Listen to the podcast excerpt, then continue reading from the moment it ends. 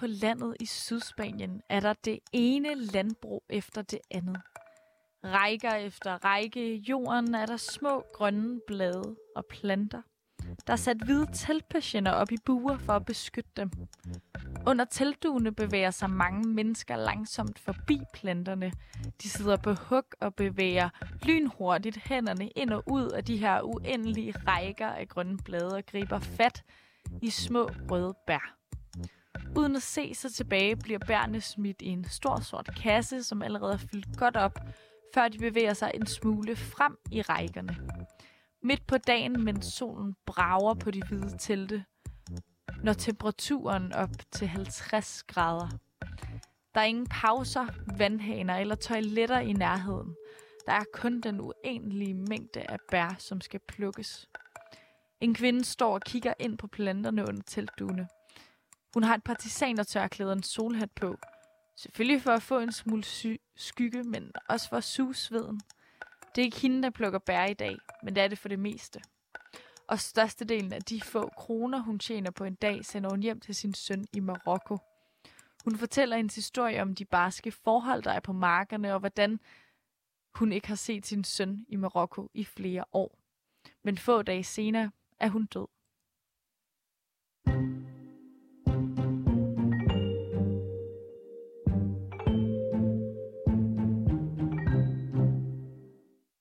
Saede var en af de mange migrantarbejdere i Sydspanien, som under forfærdelige forhold plukker jordbær, blåbær og hindbær til danske supermarkeder.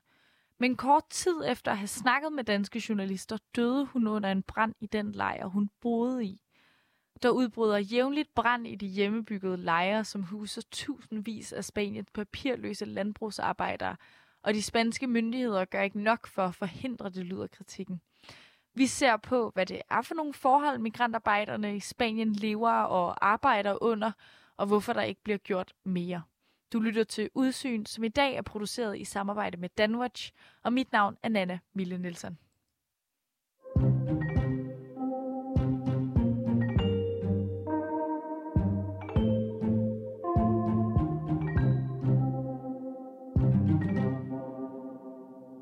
Saida, hun var en øh, 38-årig øh, marokkansk kvinde, som var rejst til Spanien for 3,5 år siden fra Marokko for at tjene penge, som hun kunne sende til sin søn og øh, sin mor og far i, øh, i Marokko. Det her, det er Nikolaj Hormann Mortensen. Han er journalist hos Danwatch. Han stødte egentlig lidt tilfældigt ind i Saida, da hun var i Spanien i foråret. Han var taget sted for at undersøge forholdene på de gardnerier, der leverer spanske jordbær, blåbær og hindbær til danske supermarkeder.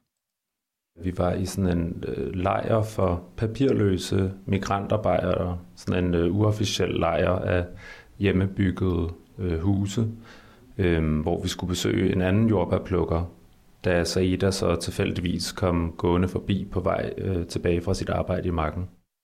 Seida var en af 16 migrantarbejdere, som Nikolaj talte med på sin tur.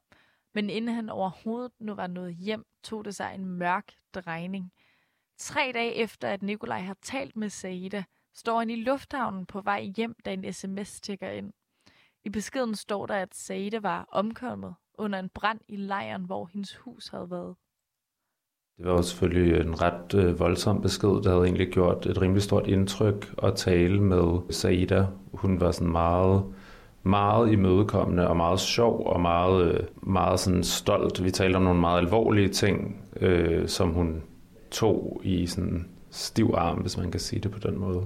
Og det er jo klart, at når man er ude og lave den her slags historier øh, om nogle deprimerende ting, at så øh, får man også lidt afstand på, men så bliver tingene selvfølgelig meget virkelige, da vi fik den her besked om hans død.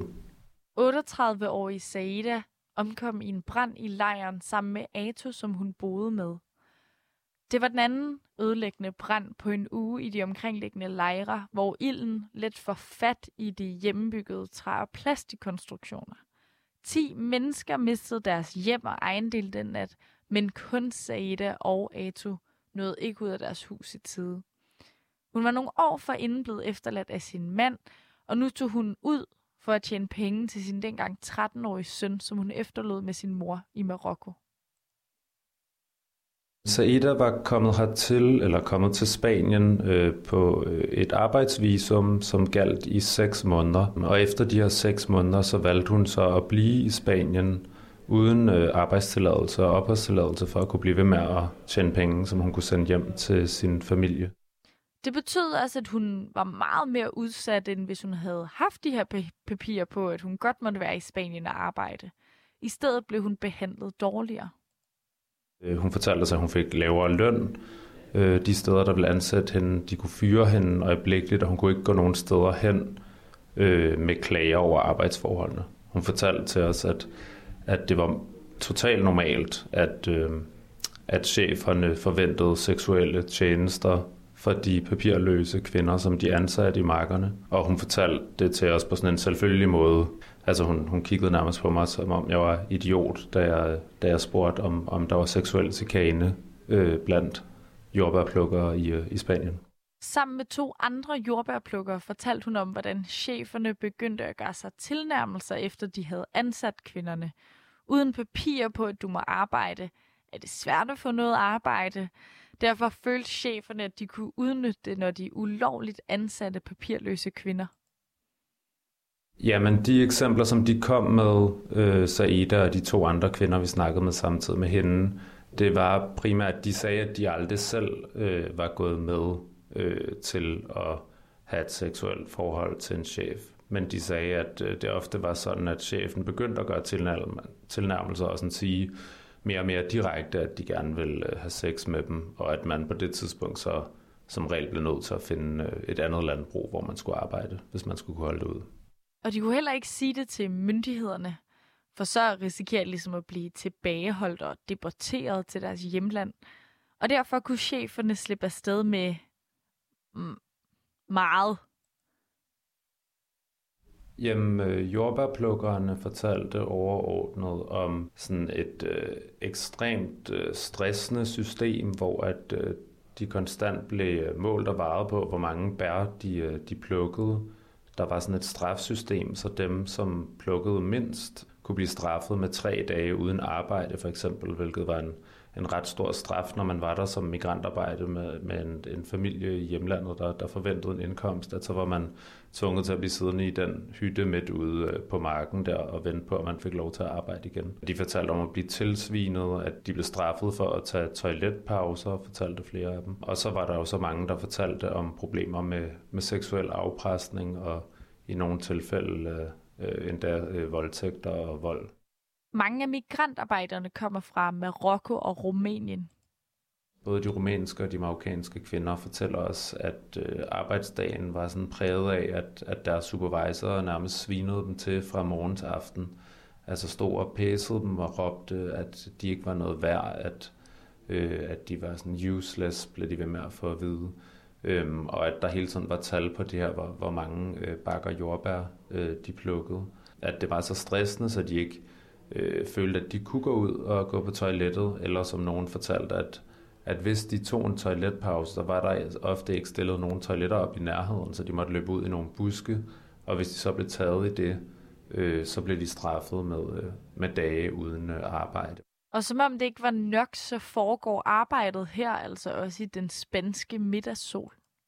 Altså arbejdsdagen var på syv timer i alt, men det foregår så i, i virkelig øh, hæftig varme. Altså det det sydligste Spanien, du kan komme i, og så er det jo så under de her plastikdrivhuse, de her store hvide præsendinger, som bare øh, ligger ud over det hele i, i den her region her. Altså sådan et stort, hvidt øh, hav af plastik, man kigger ud over. Ja, selv den ene eneste landmand, den eneste ejer af et landbrug, som, som lod sig interviewe af os, han, han startede med at sige, da vi, øh, da vi mødte ham ude ved markerne, sagde han, øh, vi må hellere finde et, et sted i skyggen øh, og snakke, for det er jo ekstremt varmt. Altså, vi kunne gå ind under en af drivhusene her, men der bliver jo 50 grader eller sådan noget, så det kan vi ikke.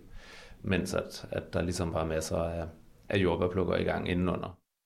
Nikolaj har efterfølgende kunne spore de her jordbær til præcis de bakker, der bliver solgt i danske supermarkeder. Han havde også svært ved at komme i kontakt med jordbærplukkerne, fordi landmændene gør ret meget for, at man slet ikke kan kunne komme til at tale med dem.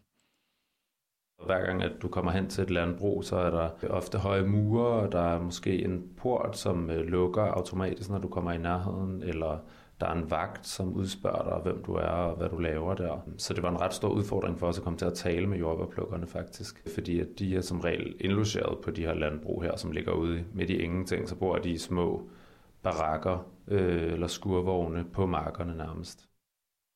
De endte med at samarbejde med en marokkansk kvinde, som var tidligere jordbærplukker.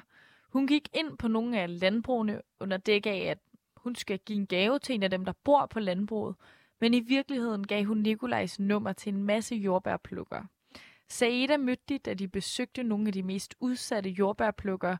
Det er de migrantarbejdere, som ikke længere har papir i Spanien, og derfor ikke bor på selve landbrugene, men i stedet i en af de 119 slumlejre, som det sammen huser omkring 1300 migrantarbejdere uden papirer i Andalusien i Sydspanien. Saida kom tilfældigvis gående forbi og overhørte dem snakke med andre jordbærplukkere om sexchikane på markerne. Og de bor så i sådan nogle hjemmebyggede lejre, som er bygget af gamle drivhusdele og traphaller og plastikpræsendinger. Alle husene har øh, sådan lidt samme form som alle de drivhuse, som omgiver dem, sådan en rund halvbue. Og, øh, og der har hun så boet siden, at, at hun blev papirløs. Det har aldrig været meningen, at de skulle være permanente, men lejrene her er ligesom vokset op af sig selv rundt omkring, og så får de lov til at blive stående. Og det er under nogle ret usle vilkår. Der er ikke, der er ikke rendende vand. Der er forskellige fagforeninger og NGO'er, som nogle steder har hjulpet med, at folk har øh, at folk har solcellepaneler, så der er nogle af stederne, der har elektricitet for eksempel. Men, men på den anden side, så er det ret imponerende, hvad folk har formået at bygge op øh, selv af, af dele, som de har fundet rundt omkring på, på nærliggende marker. Og i lejren her, hvor, hvor Saida boede, altså der var både en, øh, en lille kirke øh, og en, en lille bar, øh, som øh, manden øh, Arto, som hun boede sammen med, øh, havde bygget som sådan en tilstødende bygning til, til det hus, de boede i. Og folk har ligesom bygget små verandaer med en lille grill ud af en olietønde og har sukulent øh, potteplanter i, i en hjemmebygget altankasse og sådan noget. Så det er meget sådan kreativt på den måde. Branden som den, der kostede Saide og Ato livet, er ikke enkeltstående. De sker faktisk foruroligende tit. Mens jeg var i, i Huelva-regionen her i Spanien, der skete det to gange i lejre, som var meget tæt på der, hvor vi var. Øh, og i den ene, der efterlod det, jeg tror det var omkring 150 mennesker, som blev hjemløse, så stor en del af lejren brændte ned. Øh, og den anden brand var så, så den her, i den her lejr Albosk, hvor at, at Saida og Arto så, øh, så omkom. Og bare få måneder forinden havde der været en anden brand i, i den samme øh, lejr, hvor at, at 300 mennesker stod uden hjem bagefter. De mange brænde skyldes, at der ikke er nogen brandsikkerhed. Myndighederne har heller ikke krav om brandsikkerhed, som bliver kontrolleret. Jamen, det handler jo meget om, at, at det er hjemmebyggede boliger, som er enormt tæt. Øh, altså, de er bygget af, af traphaller og andre ting, som der meget let kan gå ild i. Og så har folk for eksempel et gasblus inde i, øh, i køkkenet, når de laver mad eller at de har en lille ovn til at varme sig om vinteren for eksempel. Der skal meget, meget lidt til for, at, øh, at der går ild i, i nogle af de her huse, og at det så automatisk rammer utrolig mange andre boliger rundt om, fordi det, det ligger så tæt. De lokale NGO'er og fagforeninger mener heller ikke, at der bliver gjort særlig meget ved de her brænde. Det er NGO'er og Røde Kors og sådan noget, som, som står efter nogle af de her brænde og deler altså direkte nødhjælp ud til folk, som står fuldstændig uden, øh, uden et hjem og uden ejendel. De har jo tit mistet også deres øh, papirer og pas og så videre. Øh, men de siger også, at der ikke bliver gjort noget præventivt for at forhindre de her brænde her og at øh, myndighederne ikke hjælper på nogen måde med alternative boformer til, til nogle af de migranter, som, som bor i de her lejre her, som jo altså er en, en form for sådan gråzone i det spanske samfund, hvor de ikke rigtig lovlige, men de bliver accepteret af myndighederne, som kommer ud og for eksempel kræver, at der er numre på husene, så folk har en, en form for registreret adresse, men samtidig så er der ikke nogen krav om, at de skal leve op til, til for eksempel øh, øh retningslinjer for, for brandsikkerhed. Ja, en ting er det præventive, men der bliver altså heller ikke gjort særlig meget for at genhuse de mennesker, der derefter står uden hjem.